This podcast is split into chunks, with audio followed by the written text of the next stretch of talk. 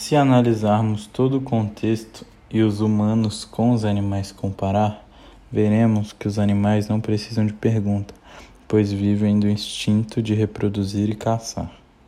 Vendo do ponto de vista humano, eles precisam perguntar para viver. Vivem em sociedade e necessitam do entendimento. Para um melhor entendimento, precisam buscar o saber.